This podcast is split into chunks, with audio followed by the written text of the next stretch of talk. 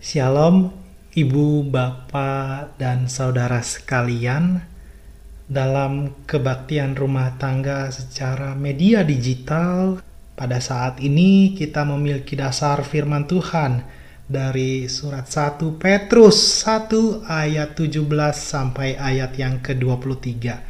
1 Petrus 1 ayat 17 sampai ayat yang ke-23 dengan judul yang diberikan oleh Lembaga Alkitab Indonesia, Kekudusan dan Kasih Persaudaraan. Namun sebelum kita bersama-sama mendengarkan, sama-sama membaca firman Tuhan, mari kita persiapkan juga hati dan pikiran kita di dalam doa. Kita bersatu dalam doa.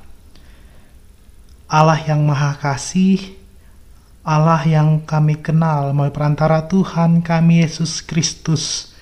Engkau adalah Allah yang sudah menanggung penderitaan engkau sudah mati dan engkau juga adalah Allah yang bangkit pada hari yang ketiga. Ya Allah, Engkaulah Allah yang maha kasih. Engkau juga mengirimkan kuasa roh kudus untuk selalu meneguhkan hati dan pikiran kami, untuk kami dapat menapaki kehidupan, baik sebagai pribadi, sebagai keluarga, sebagai jemaat Gereja Kristen Pasundan Jati Asi, terlebih berbangsa dan bernegara di Indonesia. Kalaupun ada pergumulan COVID-19 ya Allah, kalaupun ada berbagai pergumulan dalam kehidupan kami sehari-hari ya Allah, baik dalam pekerjaan, pendidikan, maupun kehidupan sosial, bahkan kehidupan antar keluarga ya Allah kiranya pribadi lepas pribadi dapat terus memenuhi panggilan untuk melakukan kasih persaudaraan. Tentu ini bukanlah hal yang mudah, namun kami tahu ya Allah, Engkau adalah Allah yang maha kasih. Engkau sudah menunjukkan kasih-Mu. Maka dari itu ya Allah kami juga mau mendasari kembali dengan surat 1 Petrus 1 ayat 17 sampai ayat yang ke-23. Maka dari itu, pakailah hati dan pikiran kami dan juga engkau berkati hambamu dan setiap alat-alat media digital yang kami pakai ya Allah untuk menjadi sumber keteguhan, sumber dari sana kami mendengarkan firman-Mu ya Allah dan untuk kemuliaan nama Tuhan saja. Ke dalam nama Tuhan Yesus kami telah berdoa dan mengucap syukur. Haleluya. Amin. Mari Bapak Ibu Saudara sekalian kita membacanya. Surat 1 Petrus 1 ayat 17 sampai ayat 23. Demikianlah firman Tuhan. Dan jika kamu menyebutnya Bapa, yaitu dia yang tanpa memandang muka menghakimi semua orang menurut perbuatannya, maka hendaklah kamu hidup dalam ketakutan selama kamu menumpang di dunia ini. Sebab kamu tahu bahwa kamu telah ditebus dari cara hidupmu yang sia-sia dan kamu warisi dari nenek moyangmu itu bukan dengan barang yang fana, bukan pula dengan perak atau emas, melainkan dengan darah yang mahal, yaitu darah Kristus yang sama seperti darah anak domba yang yang tak bernoda dan tak bercacat. Ia telah dipilih sebelum dunia dijadikan. Tetapi karena kamu, ia baru menyatakan dirinya pada zaman akhir oleh dialah kamu percaya kepada Allah yang telah membangkitkan dia dari antara orang mati dan yang telah memuliakannya sehingga imanmu dan pengharapanmu tertuju kepada Allah. karena kamu telah menyucikan dirimu oleh ketaatan kepada kebenaran, sehingga kamu dapat mengamalkan kasih persaudaraan yang tulus ikhlas. Hendaklah kamu bersungguh-sungguh saling mengasihi dengan segenap hatimu, karena kamu telah dilahirkan kembali, bukan dari benih yang fana tetapi dari benih yang tidak fana, oleh firman Allah yang hidup dan yang kekal. Bapak Ibu Saudara sekalian dikatakan berbahagia ialah mereka yang tidak hanya membaca, mendengarkannya, namun juga menggumulinya dalam kehidupannya sehari-hari. Haleluya. Bapak Ibu Saudara sekalian dalam kebaktian rumah tangga saat ini kita memiliki judul renungan yakni hidup dalam kasih persaudaraan. Berbicara hidup dalam kasih persaudaraan tentu menjadi harapan, tentu menjadi impian bagi setiap orang untuk dapat merasakan bahkan memilikinya. Namun Bapak Ibu sekalian berbicara kasih persaudaraan akan menjadi barang yang langka, akan menjadi hal yang sulit ketika kita menghadapi suatu pergumulan hidup, baik karena keuangan maupun karena kesehatan atau bahkan karena kejiwaan. Maksudnya apa kejiwaan? Ada dendam, ada konflik baik sesama anggota saudara, anggota keluarga atau dalam kehidupan sehari-hari kita tidak memiliki hidup yang dapat menunjukkan persaudaraan. Nah, Bapak sekalian berbicara memiliki hidup persaudaraan itu tadi ada kesulitannya, ada tantangannya. Nah, kita juga membaca dalam 1 Petrus 1 ayat 17 sampai 23 memiliki kasih dalam persaudaraan diingatkan oleh Rasul Petrus pada tahun kira-kira 63 sampai 64 Masehi. Saat itu Bapak sekalian surat yang ditujukan oleh Rasul Petrus kepada setiap jemaat di Asia Kecil yang saat itu ada tantangan, ada pergumulan hidup mereka sebagai orang percaya, sebagai orang Kristen, tidak memiliki hidup yang mudah. Maksudnya apa? Kekaisaran Romawi pada saat itu yang menguasai setiap daerah di Asia kecil membatasi mereka untuk dapat mengasihi, untuk dapat memiliki iman kepada Tuhan kita Yesus Kristus. Pada saat itu ada tawaran, kalau kamu percaya, kalau kamu mau menyembah raja atau menganggap raja sebagai wujud dewa, maka akan diberikan kemudahan, akan diberikan hal-hal baik oleh kekaisaran Romawi pada saat itu. Namun jika tidak mau melakukan hal tersebut, maka ada penderitaan, ada pergumulannya. Sehingga orang-orang di Asia Kecil pada saat itu tidak dapat memiliki hidup dalam kasih persaudaraan.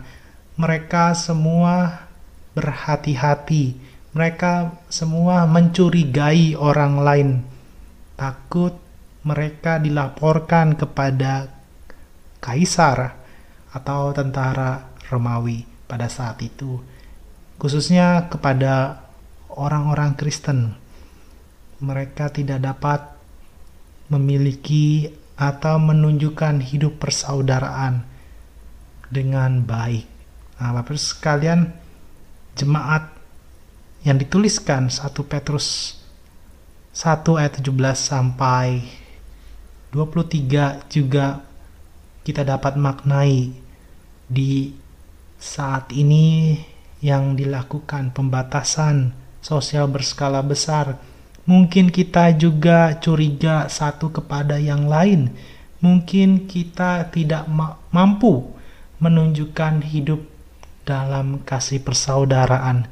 Karena curiga, karena mungkin banyak pergumulan, karena ada ragam pemenuhan kehidupan sehari-hari, kebutuhan pokok yang terbatas. Sehingga tidak dapat melihat pada sesama. Sehingga tidak dapat memiliki kasih persaudaraan seperti orang-orang Kristen yang dikirimkan surat oleh Rasul Petrus.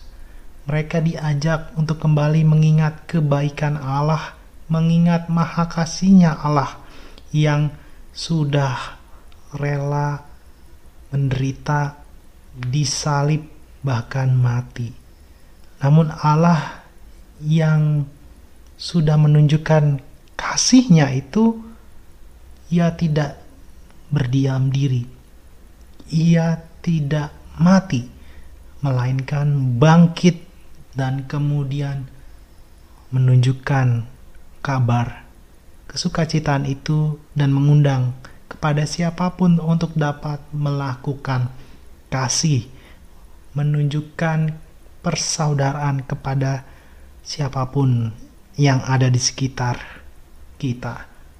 Nah, Bapak sekalian, seperti yang terjadi, yang dialami oleh orang-orang Kristen di Asia Kecil dan mereka diingatkan dalam surat 1 Petrus 1 ayat 17 sampai ayat 23 untuk memiliki kasih persaudaraan. Tidak hanya sebatas perkataan, "Oh ya, aku mengasihi kamu," namun sikap dan tindakannya tidak mencerminkan. Nah, kita juga pada saat ini diajak untuk dapat memiliki kasih, untuk dapat memiliki hidup kasih persaudaraan. Nah, Bapak sekalian, kita diajak Sekalipun saat ini sedang ada pembatasan sosial berskala besar, seperti orang-orang Kristen di Asia Kecil pada saat penulisan surat 1 Petrus 1 ini kita pun mengalami penderitaan, mengalami pergumulan. Mereka pun sama. Mereka pun dianiaya oleh raja maupun oleh tentara kekaisaran Romawi. Namun Penulis surat 1 Petrus mengingatkan tidak membatasi ada pergumulan, ada penderitaan untuk tidak dapat memiliki hidup dalam kasih persaudaraan. Nah, Bapak sekalian, Kristus yang sudah mati, Kristus yang sudah bangkit itu menjadi pengingat bagi kita. Ia adalah Allah yang maha kasih dan ia mengundang kepada siapa pun kita sebagai orang percaya untuk dapat memiliki hidup kasih dalam persaudaraan. Nah, Bapak sekalian, hidup dalam kasih persaudaraan kita diingatkan adalah sebagai respon, sebagai tindakan rasa syukur kita kepada Tuhan atas setiap kasih yang Allah berikan, baik kesehatan, kesukacitaan, dan keluarga dan utamanya keselamatan yang sudah ia berikan melalui karya salibnya dan kebangkitannya. Seperti kita juga kembali melihat di ayat 22 Bapak Ibu sekalian 1 Petrus 1 ayat ke-22 karena kamu telah menyucikan dirimu oleh ketaatan kepada kebenaran sehingga kamu dapat mengamalkan kasih persaudaraan yang tulus ikhlas. Hendaklah kamu bersungguh-sungguh saling mengasihi dengan segenap hatimu. Jadi kasihnya harus dengan segenap hati. Tidak setengah-setengah.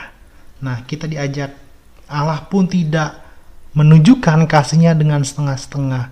Ia rela menderita di kayu salib untuk menunjukkan kasihnya kepada kita, kita pun merespon kasih yang sudah di, kita terima dan sudah kita rasakan kepada sesama.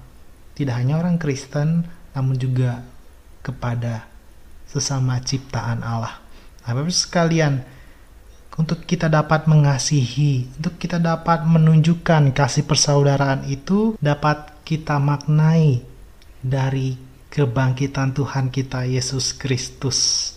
Maksudnya apa? Dengan pemaknaan Yesus yang sudah mati dan bangkit itu kita diajak untuk juga dapat mematikan setiap keegoisan kita. Setiap dendam kita, setiap rasa hitung-hitungan kita Melalui kuasa roh kudus kita juga memohon untuk dapat memiliki kasih dalam persaudaraan. Dan Bapak Ibu sekalian 1 Petrus 1 secara khusus di ayat 23. 1 Petrus 1 ayat 23 dikatakan demikian. Karena kamu telah dilahirkan kembali bukan dari benih yang fana, tetapi dari benih yang tidak fana oleh firman Allah yang hidup dan yang kekal. Jadi ada kata kita dilahirkan kembali. Kita sudah ditebus oleh Allah melalui perantara Tuhan kita Yesus Kristus. Untuk itu kita diajak bersama-sama untuk memiliki hidup dalam kasih persaudaraan dapat kita maknai dari karya Tuhan kita Yesus Kristus di kayu salib. Ia yang sudah menderita, mati dan bangkit menjadi teladan, menjadi ajakan bagi kita untuk juga dapat melakukan atau memiliki hidup dalam kasih persaudaraan. Maksudnya apa? Ketika kita mungkin menderita, kita bergumul dan tidak dapat memiliki hidup dalam kasih persaudaraan, misalkan ada dendam, misalkan ada sakit hati, kita tinggalkan, kita lupakan, atau dalam pemaknaan kita matikan. Sehingga kita kemudian membian hidup yang penuh kasih persaudaraan melalui kuasa roh kudus dibangkitkan. Sehingga sebagai orang yang sudah menerima keselamatan dari Allah, kita respon dengan memiliki hidup yang penuh kasih, hidup yang dalam kasih persaudaraan. Nah, Bapak sekalian dalam 1 Petrus 1 ayat ke-22 dikatakan karena kamu telah menyucikan dirimu oleh ketaatan kepada kebenaran sehingga kamu dapat mengamalkan kasih persaudaraan kita yang sudah dilahirkan dan diajak untuk mengamalkan kasih persaudaraan dalam kehidupan sehari-hari. Nah, Bapak sekalian ada kata kasih persaudaraan. Dalam bahasa Yunaninya kasih persaudaraan itu adalah Philadelphia. Philadelphia dalam konteks 1 Petrus 1 ayat ke-22 itu Bapak sekalian berbicara fraternal affection fraternal affection itu menunjukkan kasih sayang persaudaraan. Ada kata sayang. Melakukan kasih tidak sebatas eh kasihan, tidak, tapi ada kasih sayang persaudaraan. Ini dari kata Philadelphia dalam 1 Petrus 1 ayat ke-22. Kita diajak bersama-sama memiliki Philadelphia atau memiliki fraternal affection, kasih sayang persaudaraan, tidak seperti yang dilakukan oleh orang-orang Yahudi dalam kitab atau perjanjian baru. Mata ganti mata, gigi ganti gigi. Tapi seperti kasih yang Allah tunjukkan, dia rela menderita di kayu salib untuk menebus, untuk kemudian membuat setiap dosa kita baik sengaja maupun tidak itu dapat terhapus sehingga kita dapat berdamai dengan Allah Sang Pencipta. Kita yang sudah berdamai, sudah didamaikan juga oleh Allah itu Dapatkah kita berdamai kepada sesama? Dapatkah kita memiliki hidup dalam kasih persaudaraan? Ini yang menjadi penekanan utama dalam kebaktian rumah tangga pada saat ini. Hidup dalam kasih persaudaraan. Hidup yang merespon atas kasih yang Allah yang sudah kita terima, Bapak Ibu sekalian. Maka dari itu, setiap orang diundang untuk merespon keselamatan dari Allah dengan memiliki hidup dalam kasih persaudaraan. Tentu ada banyak tantangan, tentu ada banyak kesulitan. Tapi Tuhan Yesus Kristus sudah lebih dahulu melalui setiap tantangan, kesulitan, bahkan ia menderita. Namun ia tetap menjalani hidupnya sesuai kehendak Allah. Kita pun diajak untuk memiliki hidup dalam kasih persaudaraan seperti 1 Petrus 1 ayat ke-22 kita memiliki Philadelphia kita memiliki fraternal affection kasih sayang persaudaraan maka dari itu Bapak sekalian dalam kebaktian rumah tangga selamat menjadi pribadi lepas pribadi yang memiliki kasih persaudaraan di dalam kehidupan kita pribadi lepas pribadi. Tuhan memberkati.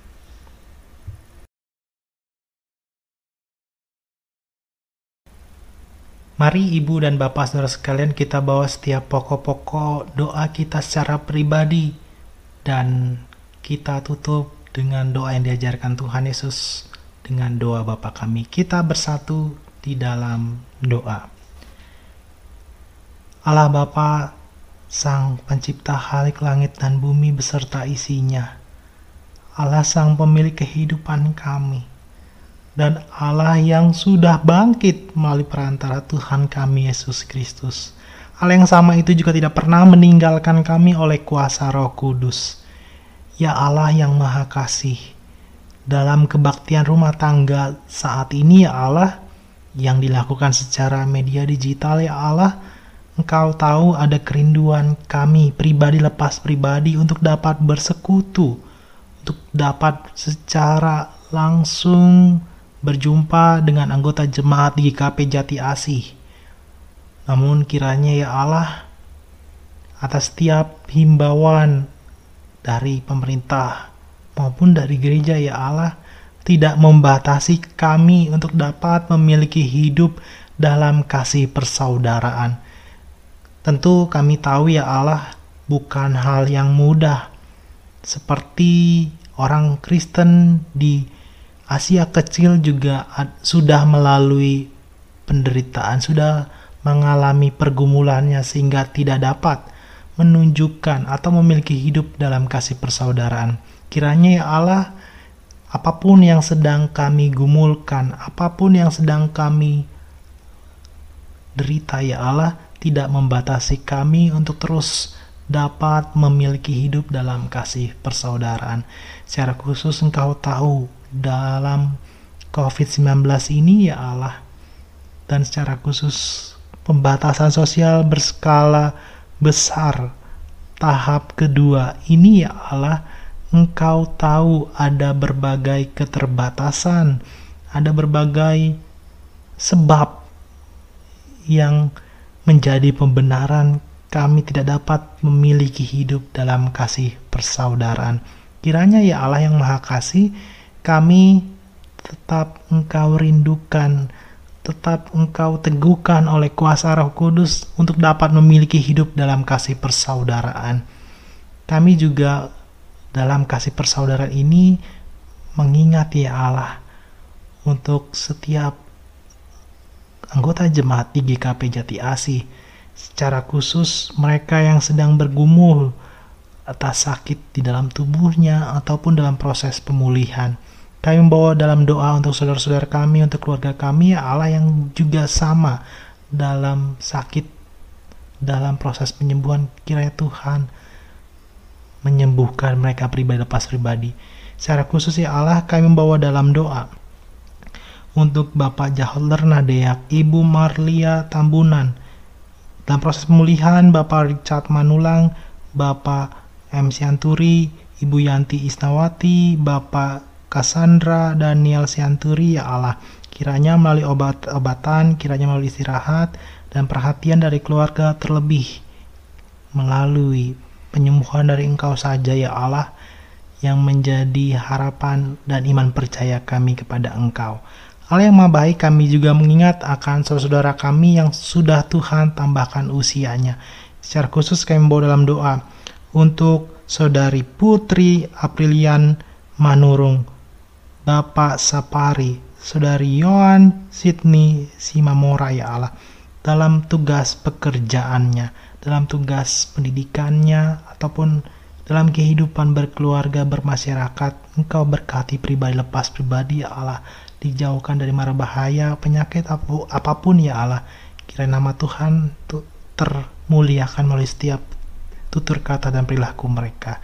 Allah yang maha baik kami juga membawa dalam doa untuk keluarga Ibu Sri Wahyuni Lumban Raja kami juga membawa dalam doa untuk keluarga Ibu Surarti ya Tuhan dalam berbagai hal proses pemenuhan kebutuhan sehari-hari Tuhan berkati dalam kesukacitaan dan kesehatan. Kita juga jaga ya Allah keluarga terkasih ya Tuhan. Baik anak-anak baik menantu bahkan cucu-cucu ya Allah kau jaga dan lindungi ya Allah agar kedua keluarga yang kami bawa dalam doa Tuhan pakai dan Tuhan berkati lagi dan lagi ya Allah Allah yang maha baik kami juga membawa dalam doa untuk majelis jemaat, untuk pengawas perbendarahan jemaat, untuk komisi pembantu setempat TK Kristen, Pasundan Jati Asia Allah. Kau berkati ya Allah juga untuk setiap komisi, baik kategorial maupun non kategorial. Kami juga mengingat juga untuk guru-guru TK, untuk setiap orang yang Tuhan rindukan melayani. Kau pakai lagi dan kau hadirkan berkat ya Allah. Ya Allah yang maha baik kami juga membawa dalam doa untuk setiap pergumulan yang sedang dihadapi oleh anggota jemaat, oleh setiap orang percaya di Jati Asia Allah. Secara khusus mereka yang rindu pekerjaan ya Allah atau mungkin sedang melalui fase dirumahkan ya Allah. Kiranya Tuhan berikan penghiburan, kiranya Tuhan tetap arahkan hati dan pikiran percaya mereka kepada Engkau. Kami juga berdoa ya Allah untuk pribadi pas pribadi yang merindukan partner kehidupan, yang merindukan keturunan ya Allah. Kira Tuhan berkati iman percaya dan tetap utamanya Tuhan jadikan berkat mereka ya Allah. Ya Allah yang maha baik kami juga berdoa untuk Majelis Sinode Gereja Kristen Pasundan kami berdoa untuk badan-badan pelayanan. Kami berdoa untuk setiap gereja ya Allah. Di mana pun Tuhan tempatkan. Secara khusus di tengah pergumulan COVID-19 ini, kiranya Tuhan berkati setiap hamba Tuhan, setiap pendeta untuk Tuhan pakai mendegukan dan menguatkan iman percaya kepada Engkau ya Allah bagi setiap umat yang sedang bergumul, baik karena sakit dalam tubuhnya. Secara khusus kami bawa dalam doa untuk ODP, PDP, bahkan suspek ya Allah. Kiranya Tuhan berikan juga penghiburan bagi mereka yang menjadi korban meninggal ya Allah. Bagi keluarga-keluarganya Tuhan berikan ya Tuhan berikan penghiburan ya Allah sekalipun berat sekalipun sulit.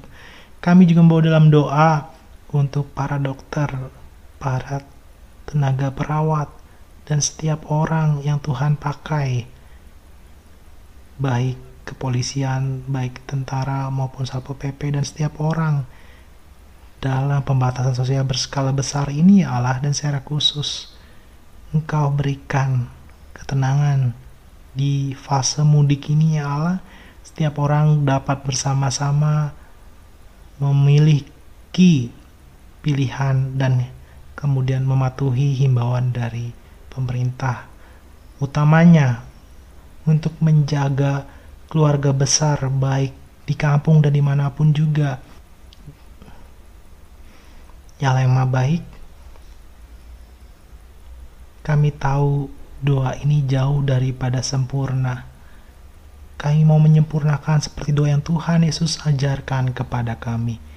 Bapa kami yang di sorga, dikuduskanlah namamu, datanglah kerajaanmu, jadilah kehendakmu di bumi seperti di sorga. Berikan kami pada hari ini iman kami yang secukupnya, dan ampunilah kami ke, akan kesalahan kami, seperti kami juga pun orang yang bersalah kepada kami. Dan jangan bawa kami dalam pencobaan, tetapi lepaskan kami pada yang jahat, karena engkau yang punya kerajaan dan kuasa dan kemuliaan sampai selama-lamanya. Amin.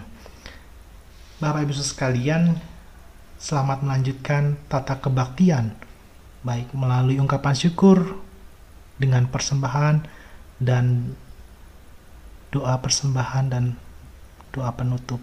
Tuhan memberkati kita untuk memiliki hidup dalam kasih persaudaraan. Amin.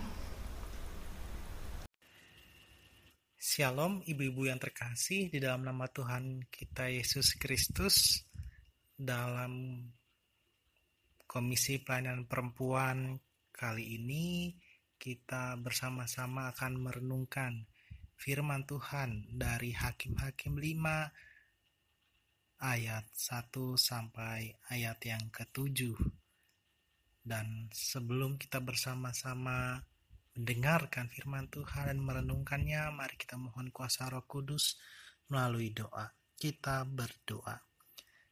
Allah yang maha baik, Allah yang maha kasih, dan Allah yang sama itu juga adalah Allah yang bangkit dan tidak pernah meninggalkan kami melalui kuasa Roh Kudus.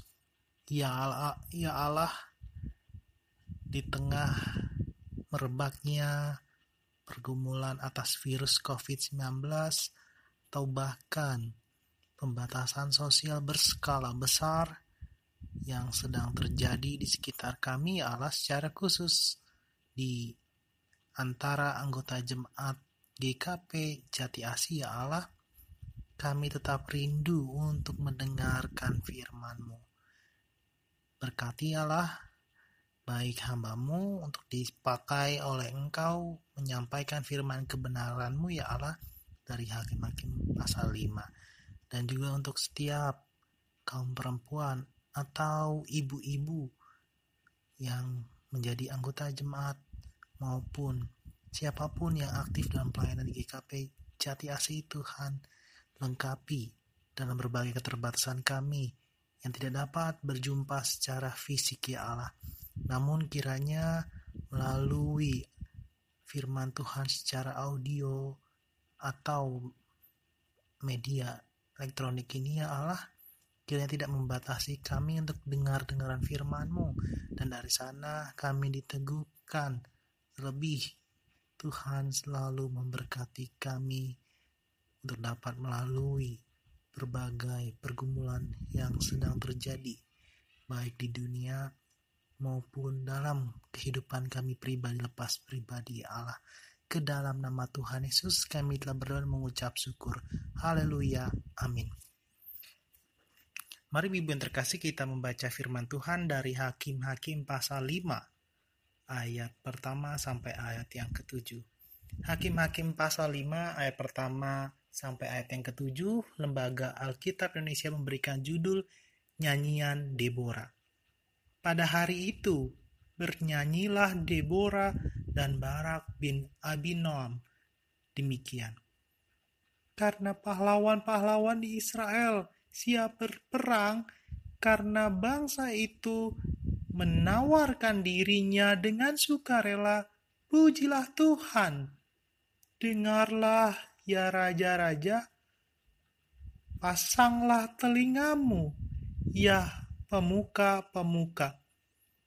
Kalau aku Aku mau bernyanyi bagi Tuhan, bermasmur bagi Tuhan Allah Israel. Tuhan, ketika engkau bergerak dari Sier, ketika engkau melangkah maju dari daerah Edom, bergoncanglah bumi, tirislah juga langit, juga awan tiris airnya. Gunung-gunung, yakni Sinai, bergoyang di hadapan Tuhan, di hadapan Tuhan Allah Israel. Dalam zaman Samgar, bin Anak dalam zaman Yael, kafilah tidak ada lagi, dan orang-orang yang dalam perjalanan terpaksa menempuh jalan yang berbelit-belit. Penduduk pedusunan diam-diam saja di Israel.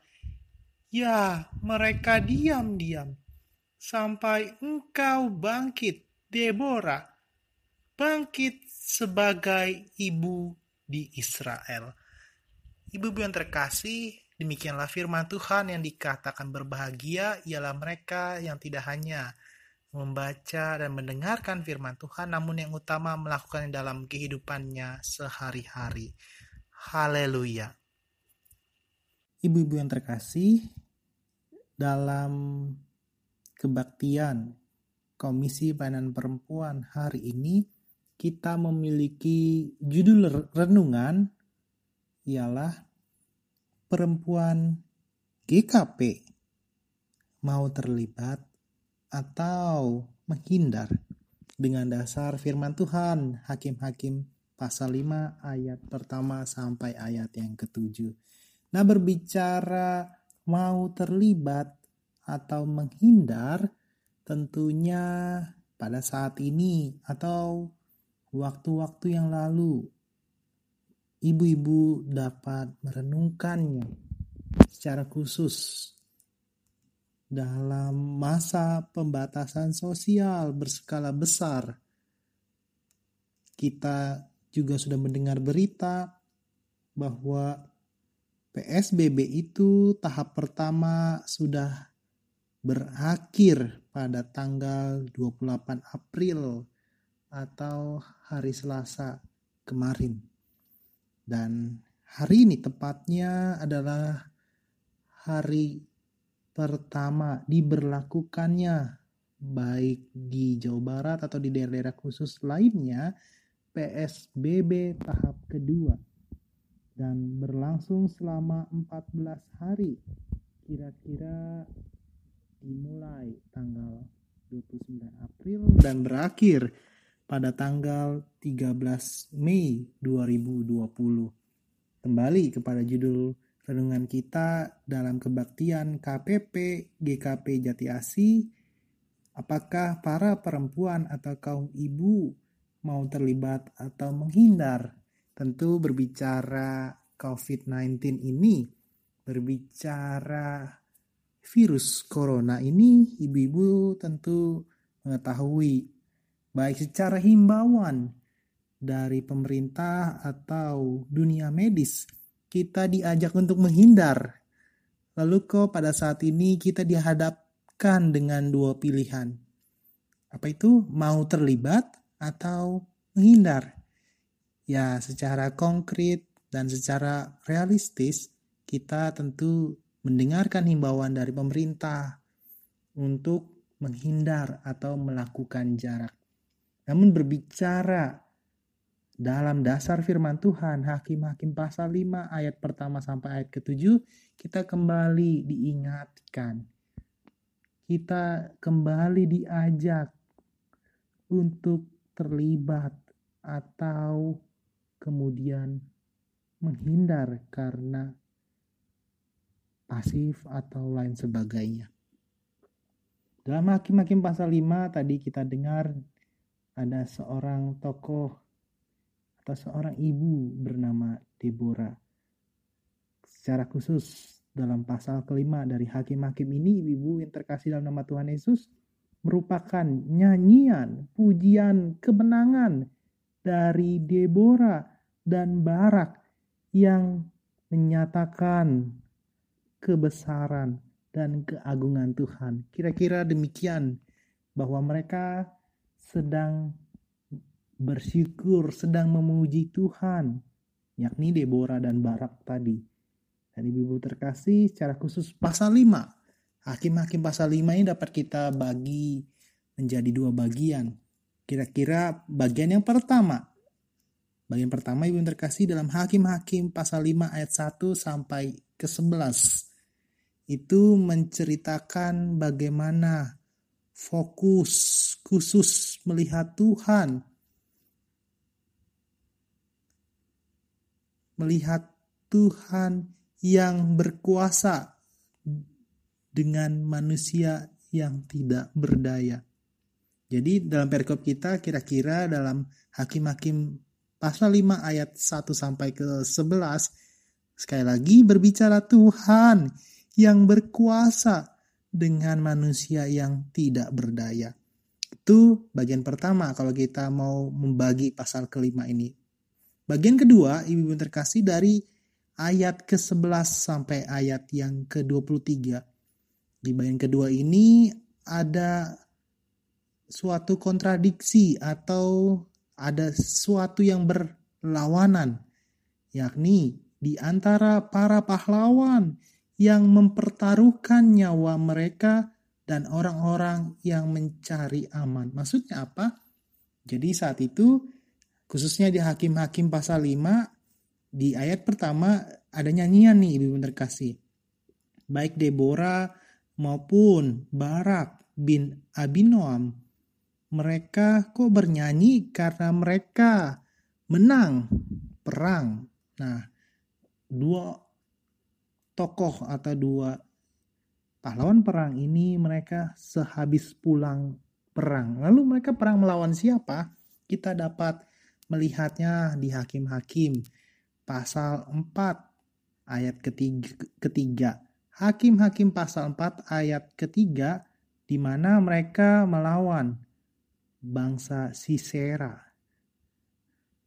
Dan musuh mereka tadi Sisera tersebut ibu terkasih merupakan orang Kanaan.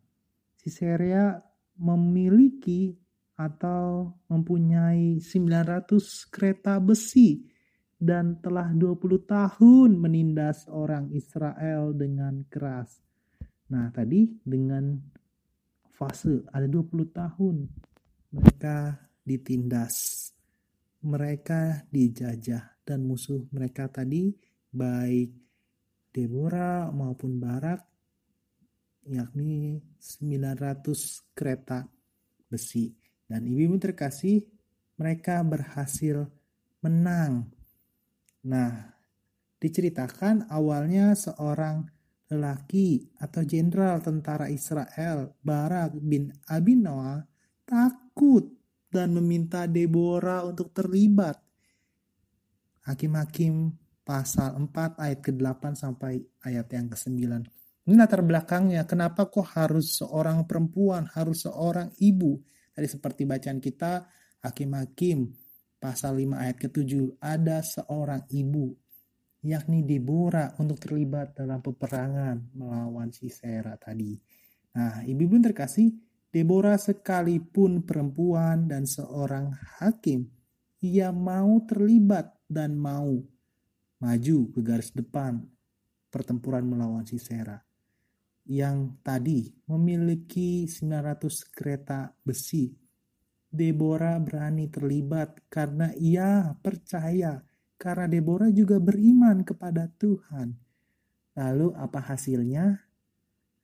Yakni ada kemenangan, yakni ada sukacita karena mengandalkan Tuhan sekalipun musuh mereka Sisera tadi dengan kereta kudanya yang banyak 900 kereta besi mereka menang.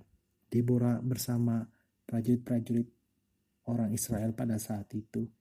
Dan secara khusus di Hakim-Hakim pasal 4 ayat 15 mereka percaya kepada Tuhan dan khususnya tadi Tuhan mengacaukan seluruh pasukan dan 900 kereta besi Sisera orang Kanaan tersebut dihancurkan.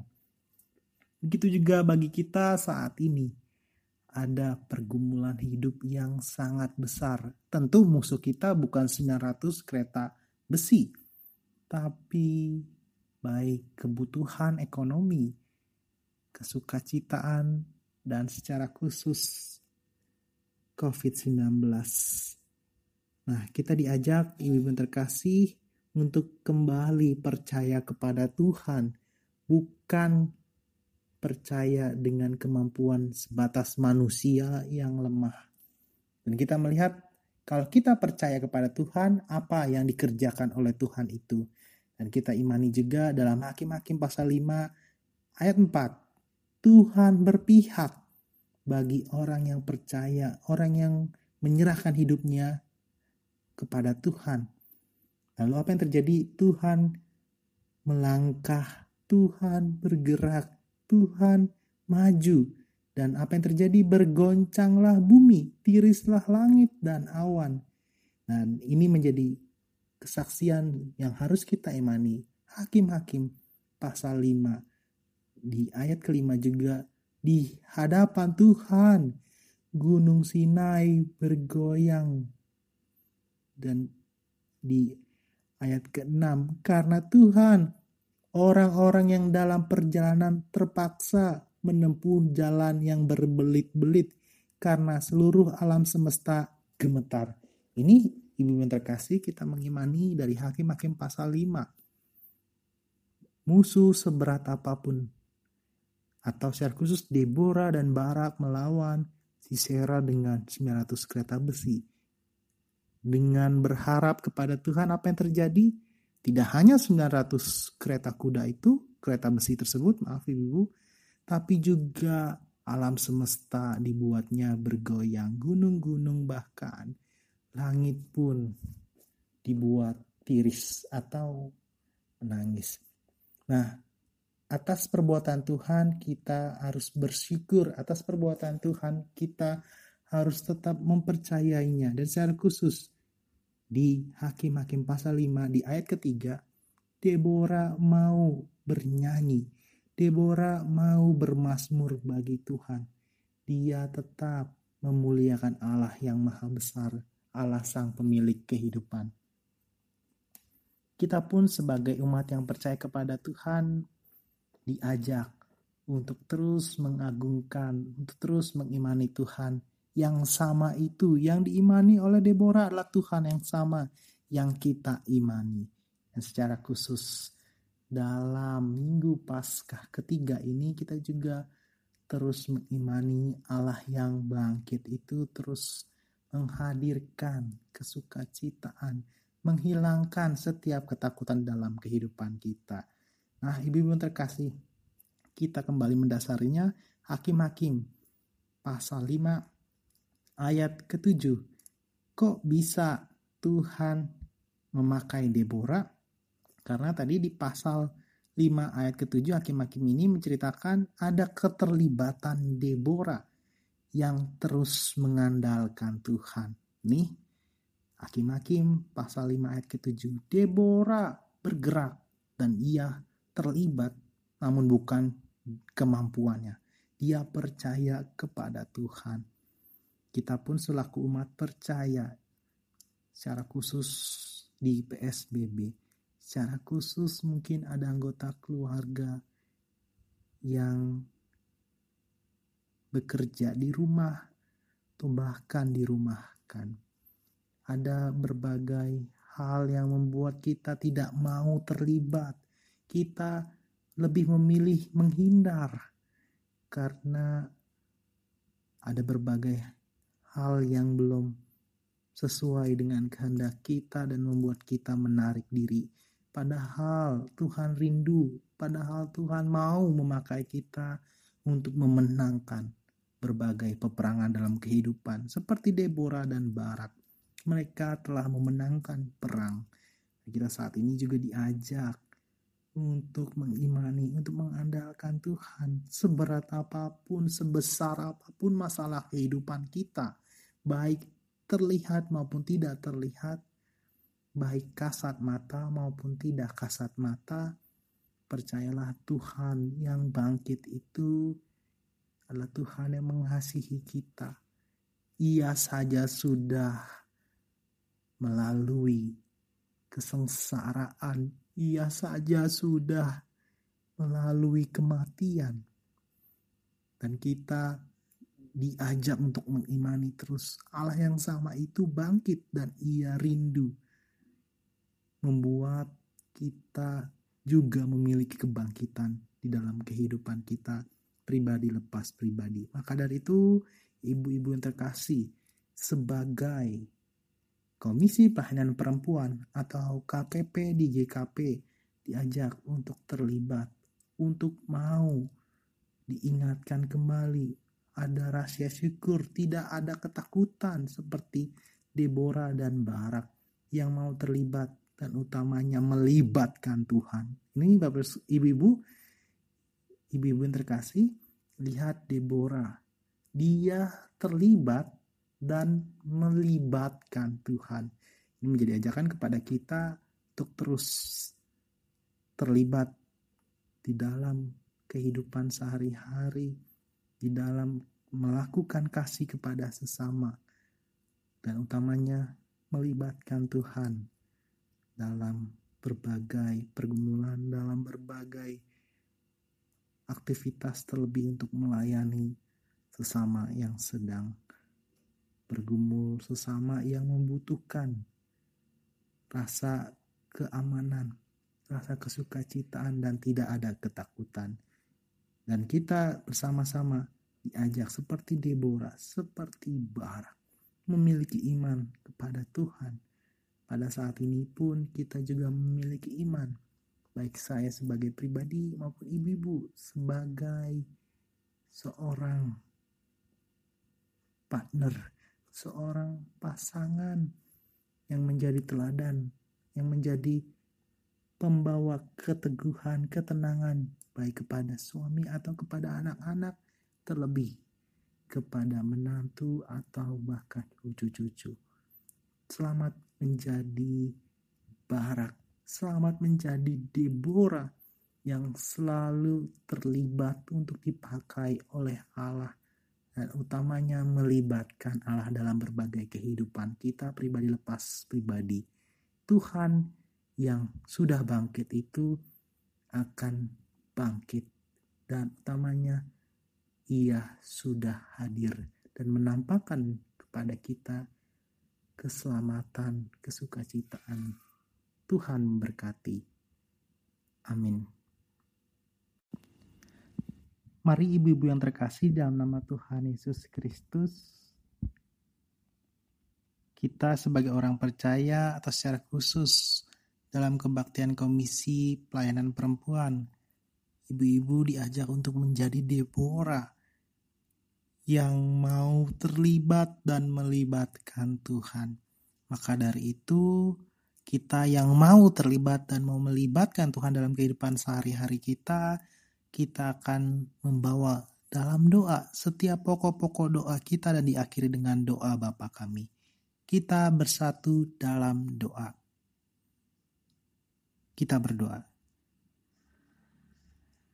Allah yang maha baik, Allah yang mengasihi kami melalui perantara Tuhan Yesus Kristus yang sudah bangkit itu Terlebih Allah yang selalu menemani kehidupan kami oleh kuasa roh kudus.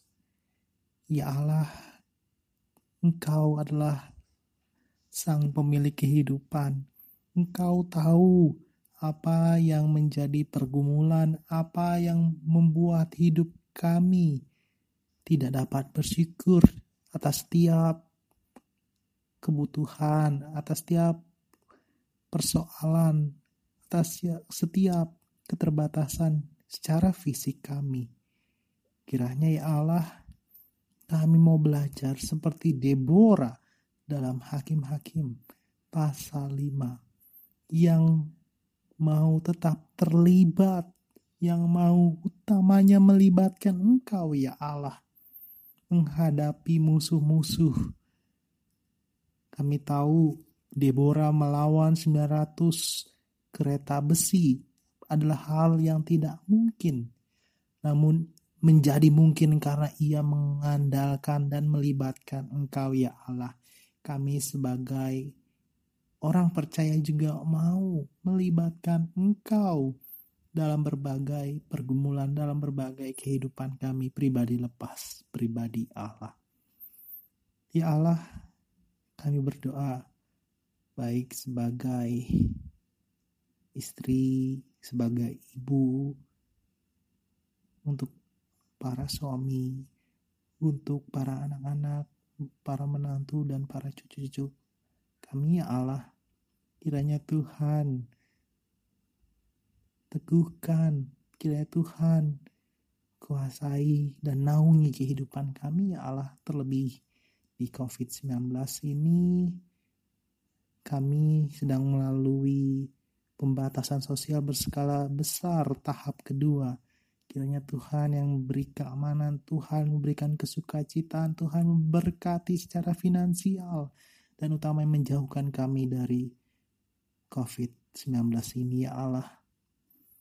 Ya Allah kami juga mendoakan untuk mereka baik yang ODP, PDP maupun mereka yang suspek ya Allah. Kiranya Tuhan hadirkan kesembuhan. Kiranya Tuhan teguhkan iman mereka pribadi lepas pribadi. Secara khusus kami juga mendukung dalam doa untuk para dokter, para tenaga perawat, dan setiap orang yang terlibat. Secara khusus di PSBB ini kami mendoakan baik kepolisian, baik Salpo PP maupun Tentara Nasional Indonesia ya Tuhan. Terlebih pemerintahan Indonesia Bapak Presiden Joko Widodo hingga aparatur negara yang paling rendah sekalipun ya Allah Tuhan pakai dan fasilitasi mereka untuk menghadirkan damai sejahtera Allah. Ya Allah yang maha baik.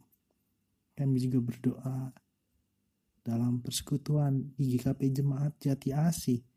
Kami mengingat dalam doa untuk saudara kami yang sedang sakit dengarkan di dalam hati kami pribadi lepas pribadi ya Allah kami mendukung dalam doa untuk mereka yang sedang sakit. Secara khusus kami mendukung dalam doa untuk Bapak Jahotler Nadeak Ibu Marlia Tambunan. Kami juga mendukung dalam doa untuk saudara kami yang dalam proses pemulihan. Bapak Richard Manulang Bapak Makmur Sianturi Ibu Yanti Isnawati Bapak Cassandra Daniel Sianturi ya Allah Kiranya kami serahkan baik obat-obatan, baik istirahat dan makanan, terlebih keluarga mereka untuk selalu Tuhan berikan iman, Tuhan berikan kepastian dan utamanya kesehatan dalam kehidupan mereka pribadi lepas pribadi. Allah yang maha baik kami juga mengingat akan saudara-saudara kami yang Tuhan telah tambahkan usianya. Kami membawa dalam doa untuk saudari Putri Apriliana Manurung, Bapak Sapari, saudari Yohan Sidney Simamora. Kami percaya dan mengimani tidak hanya usia yang Tuhan tambahkan. Kami berdoa ya Allah Tuhan juga menambahkan kesehatan, menambahkan kesukacitaan, dan menambahkan berkat-berkat secara finansial ya Allah. Kau berkati dalam fase pekerjaan, fase studi mereka ya Allah dan utamanya pribadi pribadi baik dalam pelayanan maupun kehidupan sehari-hari Tuhan berkati ya Allah. Tuhan Allah yang maha baik, kami juga mendukung dalam doa untuk keluarga Ibu Sri Wahyuni Lumban Raja dan keluarga Ibu Surarti. Saking ya Allah, kami serahkan pribadi lepas pribadi mereka ke dalam tangan kasih. Tuhan jaga baik secara pribadi, baik anak-anak, menantu, dan cucu-cucu mereka ya Allah ke dalam tangan kasih karunia Tuhan yang selalu melindungi dan menjaga. Ya Allah kami juga berdoa untuk setiap anggota majelis jemaat di GKP Jemaat Jati Asih. Kami juga membawa dalam doa PPJ, KPS, TK Kristen Pasundan Jati Asih, dan setiap komisi baik kategorial maupun non kategorial ya Allah. kiranya untuk kemuliaan nama Tuhan saja mereka Tuhan pakai untuk rindu selalu melayani Engkau ya Allah. Kami juga berdoa untuk setiap anggota jemaat, baik mereka yang sedang bekerja maupun merindukan pekerjaan. Kami juga berdoa untuk mereka yang Tuhan telah berkati baik dalam kehidupan berkeluarga. Tuhan teguhkan dan imani terus bahwa Tuhan juga akan menghadirkan berkat dalam keturunan dan terlebih kesukacitaan. Kami juga berdoa untuk setiap anggota keluarga kiranya Tuhan juga hadirkan partner kehidupan dalam kehidupan mereka ya Allah yang maha baik. Tuhan Allah yang maha baik kami juga mau menyerahkan Ibu Pendeta Delvina. Kami mau menyerahkan Majelis Sinode Gereja Kristen Pasundan. Dan setiap badan-badan pelayanan baik yayasan badan rumah sakit maupun yayasan pendidikan dan krisis center ya Allah YBPK ya Allah secara khusus ke dalam nama tangan Tuhan beri lepas pribadi kau pakai baik secara fungsi dan wujudnya Allah di GKP Tuhan kami juga berdoa kiranya bangsa Indonesia, kiranya bumi terkasih, tidak terjadi kerusuhan terlebih bencana alam ya Allah. Ya Tuhan kami juga bawa dalam doa apa pun yang terucap di dalam hati dan pikiran kami, biarlah sesuai kehendakmu saja yang jadi. Dan kami percaya kehendakmu indah pada waktunya. Maka dari itu, teguhkanlah iman kami ya Allah melalui kuasa Roh Kudus. Dan kalau kami tahu ada banyak hal yang membuat kami tidak berserah dan melibatkan Engkau dalam kehidupan kami pribadi pas pribadi ya Allah, namun kami tahu Engkau Allah yang rindu, Engkau Allah yang mau diketuk dan Engkau akan membuka pintu dan menghadirkan berkat dalam kehidupan umat percaya. Maka dari itu ya Allah, setiap harapan, setiap pokok-pokok doa kami, kami tahu jauh daripada sempurna. Kami mau menyempurnakan seperti doa yang Tuhan Yesus ajarkan kepada kami. Bapa kami yang di sorga, dikuduskanlah namamu, datanglah kerajaanmu, jadilah kehendakmu di bumi seperti di sorga. Berikan kami pada hari ini makan kami yang secukupnya, dan ampunlah kami akan kesalahan kami, seperti kami juga pun orang yang bersalah kepada kami. Dan jangan bawa kami dalam pencobaan, tetapi lepaskan kami pada yang jahat, karena engkau yang punya kerajaan dan kuasa dan kemuliaan sampai selama-lamanya. Amin. Demikian ibu-ibu yang terkasih, kembali dilanjutkan dalam tata kebaktian secara pribadi baik melalui persembahan dan puji-pujian. Tuhan Yesus memberkati dan selamat menjadi Deborah yang mau terlibat dan melibatkan Tuhan. Tuhan memberkati.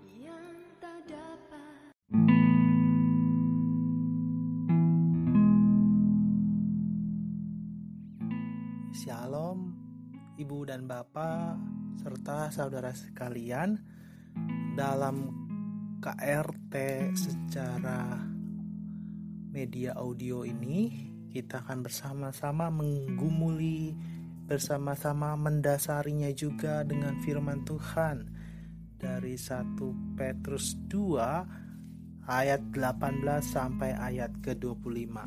1 Petrus 2 ayat 18 sampai ayat ke-25 dengan judul perenungan dipanggil untuk meneladani Kristus. Namun, sebelum kita bersama-sama membaca, mendengarkan, serta menggumulkannya, mari kita mohon kuasa Roh Kudus membimbing hati dan pikiran kita di dalam doa. Kita bersatu di dalam doa. Kita berdoa. Allah Bapa yang Maha Kasih, Allah yang kami kenal melalui perantara Tuhan kami Yesus Kristus Allah yang selalu mengasihi kami bahkan engkau rela disalibkan bahkan engkau rela untuk turun ke dalam dunia orang mati. Namun engkau tidaklah Allah yang mati. Engkau bangkit pada hari yang ketiga.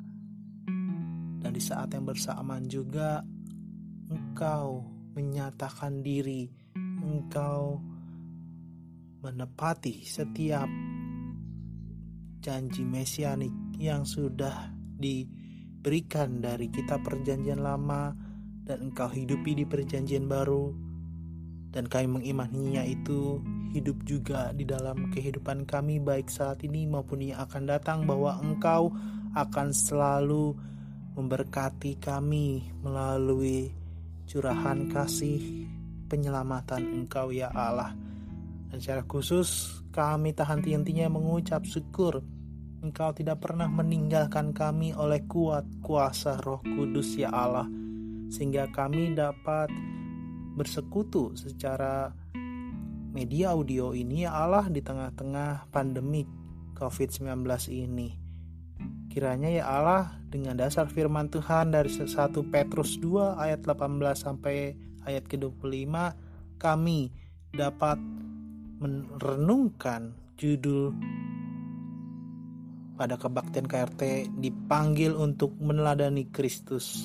Pakailah hambamu dan setiap hati dan pikiran terlebih ucapannya sesuai firmanmu saja ya Allah dan utamanya menjadi berkat bagi kami semua ya Allah pakai juga alat media digital pribadi pas pribadi kami ya Allah untuk kemuliaan nama Tuhan Engkau saja yang selalu memberkati kami lagi dan lagi ya Allah dan kami juga mau terus dipanggil untuk meneladani Kristus.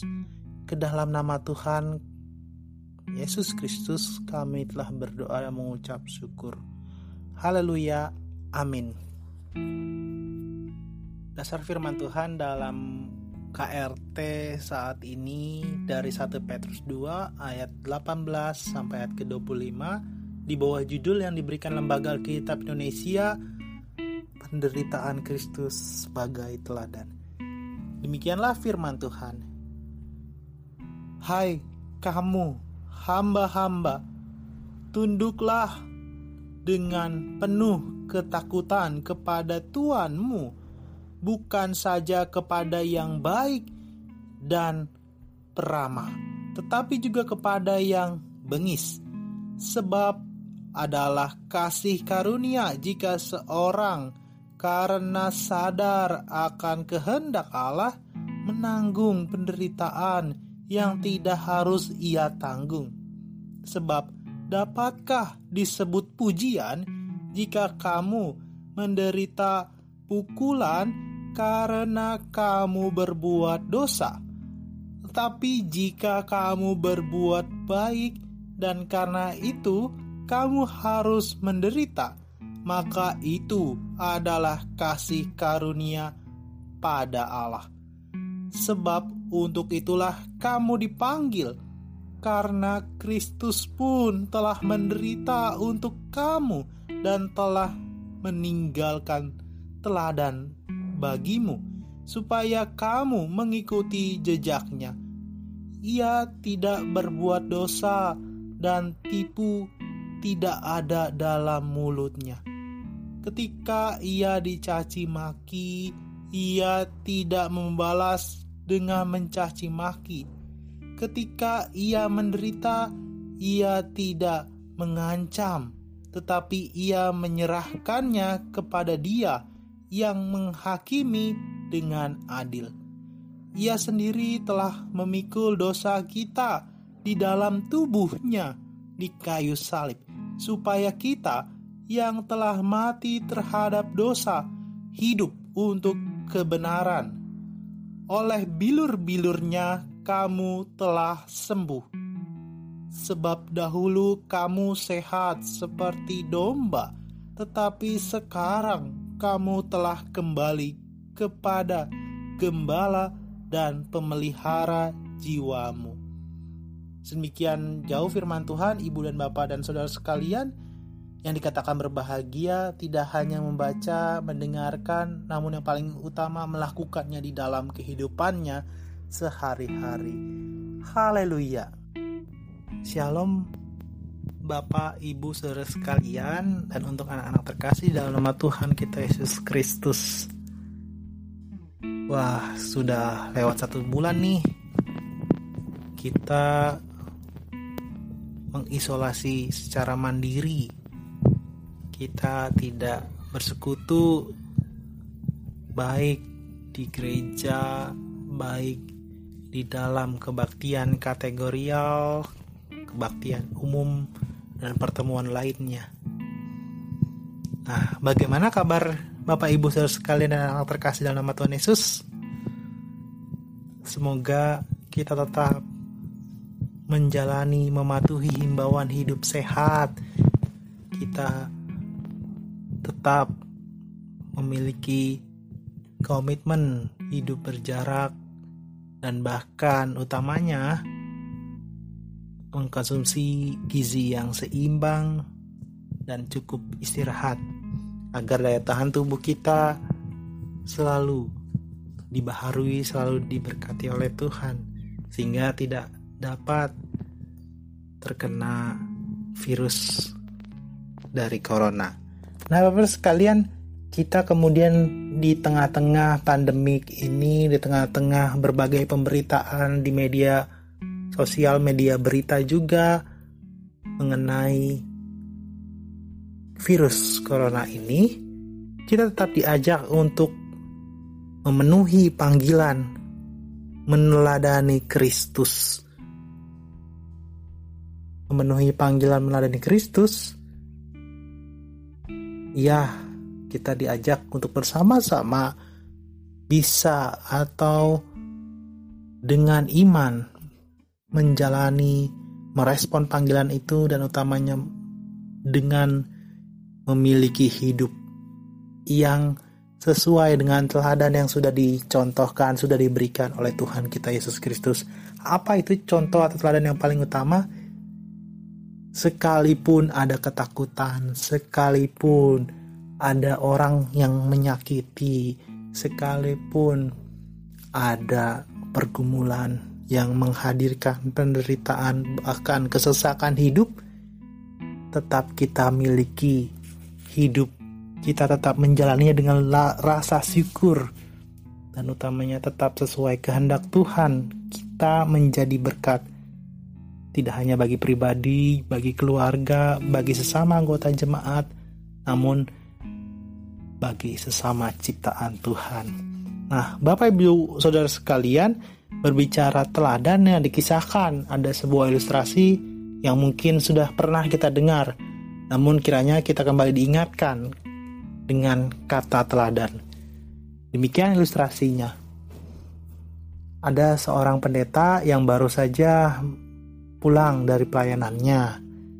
Ia masuk ke dalam rumah atau pastori dan ia sedang bebersih kemudian sedang menikmati mungkin cangkir teh atau kopi. Dan ketika sedang beristirahat tiba-tiba ada seorang anak yang kemudian mengetuk pintu dan memanggilnya.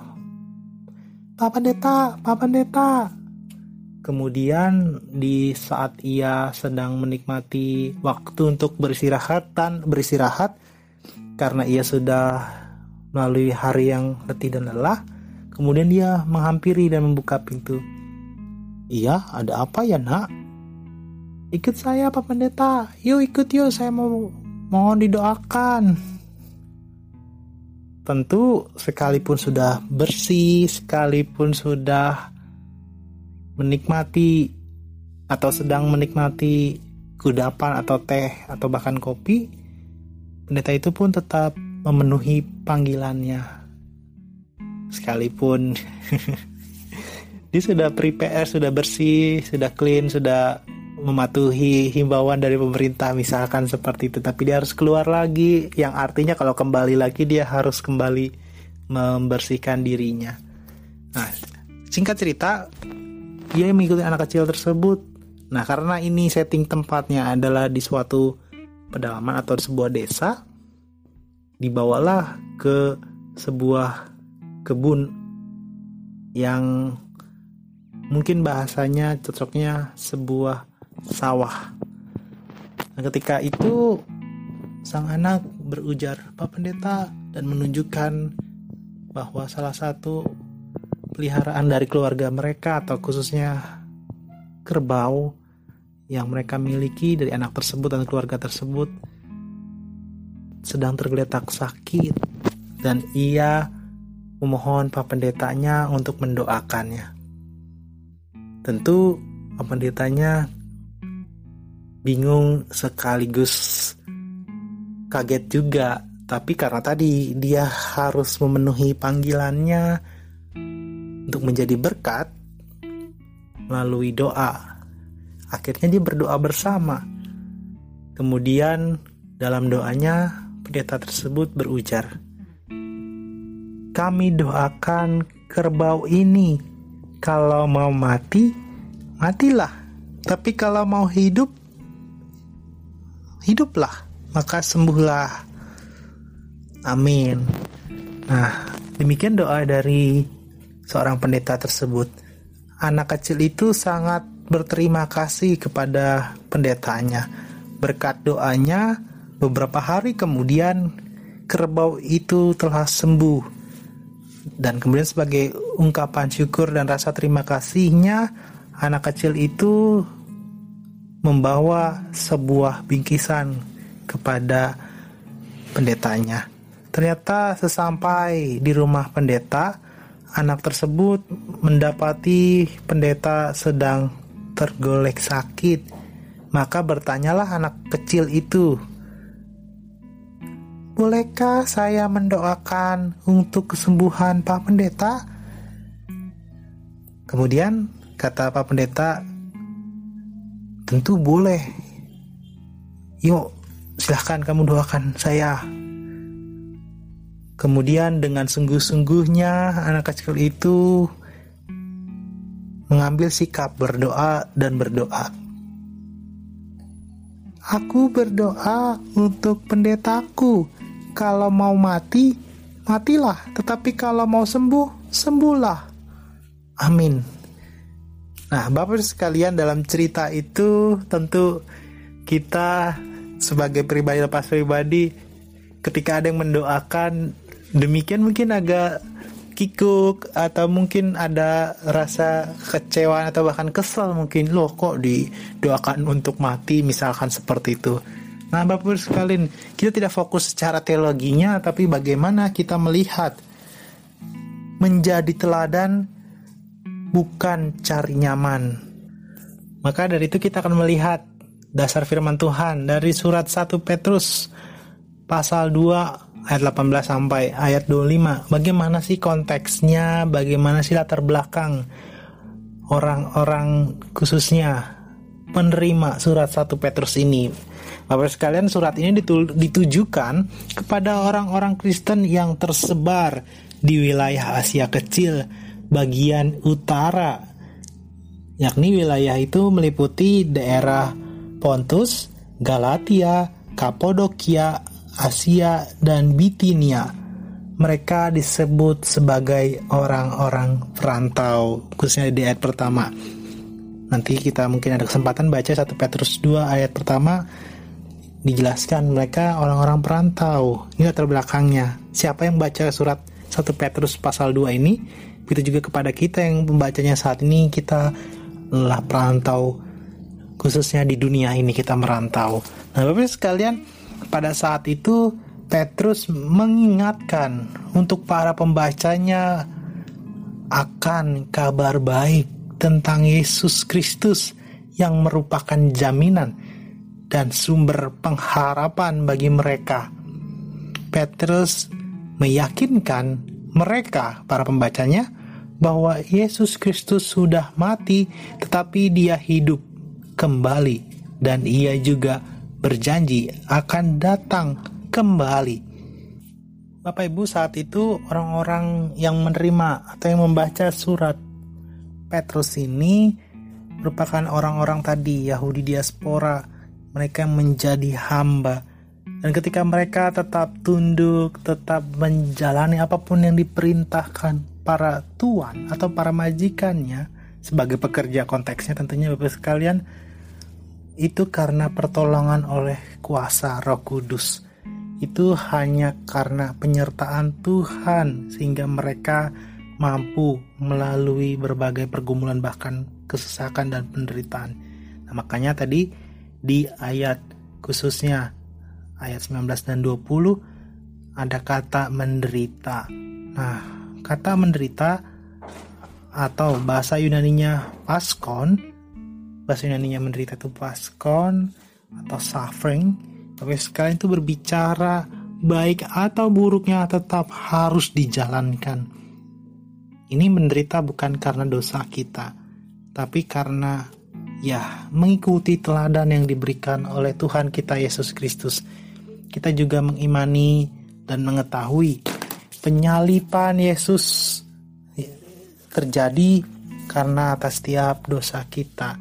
Dia tetap melakukannya, dia tetap paskon, dia tetap melakukan atau menjalani perjalanan yang penuh suffering, penuh penderitaan, baik atau tidak baik, tetap ia jalani. Nah ini Bapak sekalian, sekaligus kita juga mengingat di mana Bahkan Pontius Pilatus, gubernur di wilayah Yudea saat itu, kita mengetahuinya menyatakan bahwa tidak didapati kesalahan pada diri Tuhan Yesus. Dan kemudian tapi orang tetap memaksa, tetap meminta Pontius Pilatus disalibkan. Apa yang terjadi? Pontius Pilatus mencuci tangannya. Nah ini kita lihat dan kita ketahui Yesus menderita bukan karena salahnya dia melakukan salib, dia menjalani salib itu bukan karena dosa atau kesalahannya. Saat itu konteksnya apalagi siapa pun yang disalibkan adalah orang-orang yang sudah terpidana, sudah dinyatakan akan dihukum mati dan bahkan mereka pelaku-pelaku kriminal. Tapi Yesus tidak. Dia mau disalib dia mau melalui penderitaannya. Dia mau, tadi dalam bahasa Yunaninya 1 Petrus 2 ayat 19, paskon. Dia mau menderita bukan karena dirinya. Lalu karena siapa? Karena dosa-dosa setiap umat, setiap ciptaan, dan bahkan kita. Dan saat ini kita teladani dari kehidupannya dia menanggung kesusahan, dia menanggung kesesakan dan bahkan menderita di kayu salib mati. Tapi dia tetap diberkati Allah. Dia tetap dinyatakan dan bangkit oleh Allah Bapa di sorga. Inilah teladan yang dinyatakan yang kita imani juga dan kita khususnya pada kebaktian rumah tangga saat ini terpanggil untuk meneladani Kristus. Dipanggil untuk meneladani Kristus. Kalaupun ada pergumulan kesesakan, kita tetap harus meneladani Dia, Sang Mesias, Sang Juru Selamat. Maksudnya kayak gimana kita contoh, kita teladani? Ya, konteks atau zaman saat ini ya kan kita nggak nggak ini nggak suka atau tidak dapat memaknai kebaktian misalkan secara saat ini audio secara mandiri isolasi mandiri atau bahkan uh, tidak dapat keluar dari misalkan wilayah Jati Asih karena sedang ada PSBB kabupaten dan kota seprovinsi Jawa Barat Nah, ini kita diajak teladan sebagai orang Kristen. Kita melalui Kristus yang tetap mematuhi perintah Allah. Kita juga mematuhi perintah yang dihimbau oleh pemerintah, dihimbau oleh dunia kesehatan, bahkan PGI dan Majelis Sinode, Majelis Jemaat Jati Asih juga. Untuk meneladani Kristus, kita juga harus mematuhi setiap aturan yang ada di dunia ini semua aturan itu baik kok terlebih untuk kesehatan. Terlebih ini bukan kondisi lokal saja, tetapi di seluruh belahan dunia yang menghimbau untuk tidak beraktivitas di luar ruangan atau dengan jumlah orang yang begitu banyak. Loh karena itu kan orang-orang Wuhan, karena orang-orang saja yang kemudian di sana tidak membatasi diri mereka sendiri. Kok kami jadi juga ikut susah? Misalkan baik karena tidak bisa beraktivitas tidak dapat beribadah bahkan ada di antara kita atau saudara-saudara kita yang sudah diberhentikan tugasnya. Dalam hal ini PHK kok kita harus menderita? Kok kita harus kembali bergumul nah sekali lagi Bapak Ibu sekalian seperti tema saat ini. Kita bersama-sama diajak untuk meneladani Kristus. Dia sudah menerima penderitaan. Seperti 1 Petrus 2 ayat 19 tadi. Dia sudah paskon atau dia sudah suffering bukan karena dosanya, bukan karena yang ia derita akibat ulahnya. Bukan sama seperti saat ini di Indonesia maupun di belahan dunia lain. Bukan karena ulah kita. Adanya virus corona atau adanya PSBB atau bahkan ekonomi yang semakin sulit. Kita telah ada Yesus juga demikian. Bukan karena salahnya dia harus menderita tapi dia tetap menjalaninya dengan penuh sukacita apa yang menjadi kehendak dari Sang Bapa di sorga. Kita pun mendengarkan himbauan dari pemerintah dan utamanya bagian dari kita peduli tidak hanya pada diri sendiri, keluarga, tapi bersama-sama berupaya menghentikan atau membatasi penyebaran dari virus corona ini. Ini menjadi teladan. Ini yang harus kita sikapi baik dari karya Yesus Kristus melalui penyelamatannya maupun dalam kasus dalam masalah COVID-19 ini kita menjadi teladan bagi orang lain karena kita sudah lebih dahulu mendapat teladan dari Tuhan kita Yesus Kristus. Maka dari itu Bapak Ibu Saudara sekalian, selamat dipanggil untuk meneladani Kristus. Tuhan Yesus yang sudah bangkit itu terus memberkati kita secara pribadi, secara keluarga, berjemaat, berbangsa, dan bernegara. Amin. Mari Bapak Ibu saudara sekalian kita bawa setiap pokok-pokok doa secara pribadi, secara berjemaat, berbangsa dan bernegara dan kemudian kita akhiri dengan bersama berdoa Bapa kami. Kita bersatu di dalam doa. Allah Bapa yang Maha Kasih, Allah yang kami kenal perantara Tuhan kami Yesus Kristus, Tuhan yang sudah bangkit itu. Dan Tuhan yang sama itu juga tidak pernah meninggalkan kami oleh kuat dan kuasanya roh kudus.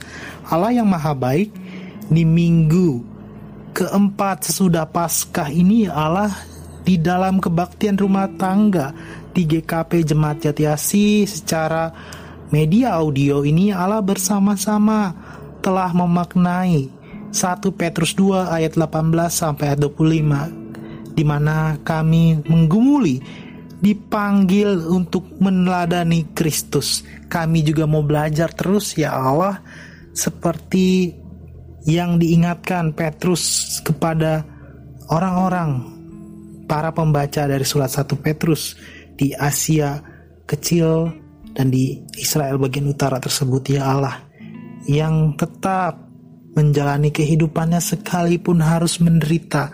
Mereka orang-orang Yahudi diaspora yang menjadi tuan harus mendengarkan tuan-tuan mereka sebagai hamba sekalipun menderita tapi tetap harus menjalani hidup dengan penuh sukacita itulah panggilan itulah ajakan dan utamanya meladani Kristus yang juga sudah lebih dahulu menderita menanggung dosa manusia dan dosa setiap ciptaannya kami juga di minggu keempat sudah Paskah ini Allah mau juga belajar terus dan melakukan untuk meneladani Engkau ya Yesus Kristus Sang Juru Selamat kami.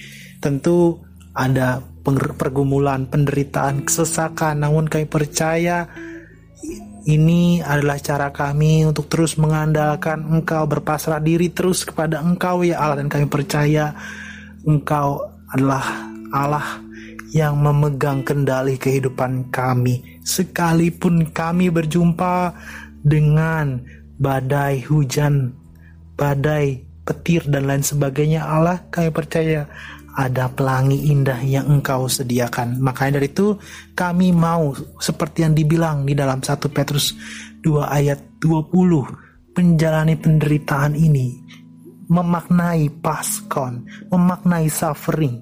Di dalam kehidupan kami suka atau tidak kami akan tetap hidupi dengan rasa syukur kepada Engkau.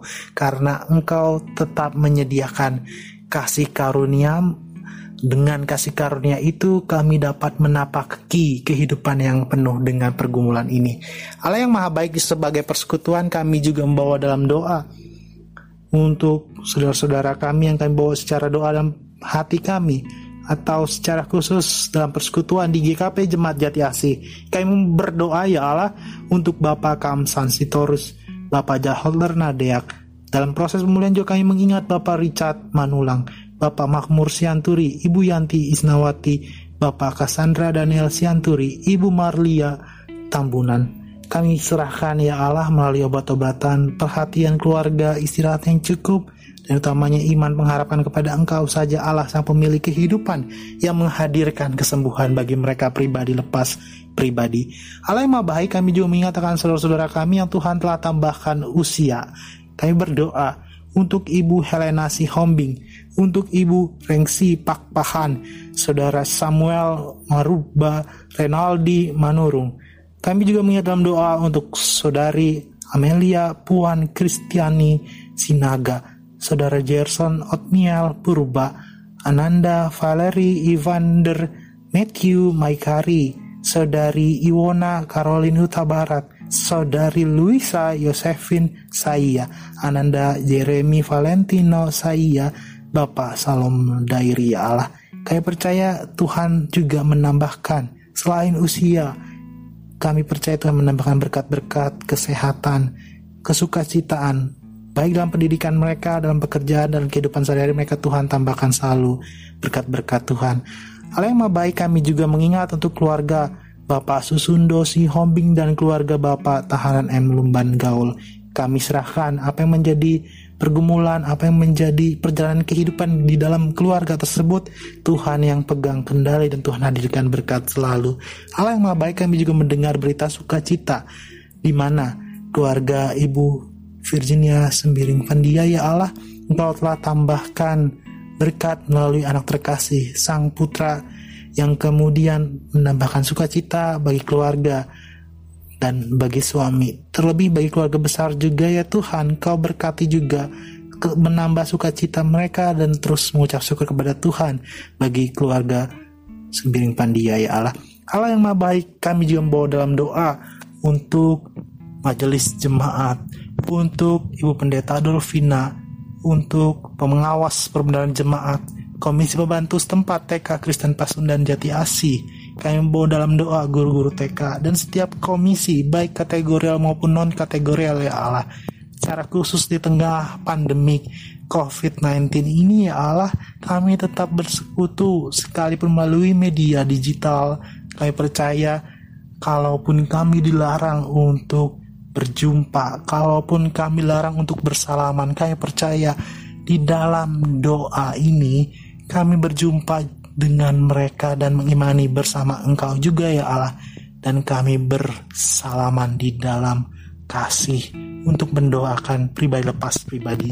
Untuk itu kami bawa dalam doa juga ya Allah untuk pribadi lepas pribadi yang merindukan pekerjaan, yang merindukan partner kehidupan, yang merindukan buah hati, yang merindukan kesukacitaan. Tuhan tambahkan selalu ya Allah terlebih kalau ada di antara kami yang sedang berkonflik Tuhan sajalah yang mendamaikannya hal yang membaik kami membawa dalam doa untuk majelis pekerja sinode gereja Kristen Pasundan badan-badan pelayanan ya Allah baik yayasan pendidikan, yayasan rumah sakit, dan krisis center dan setiap yayasan di dalamnya ya Allah badan-badan pelayanan itu ya Tuhan Tuhan pakai lagi dan lagi untuk kemuliaan nama Tuhan.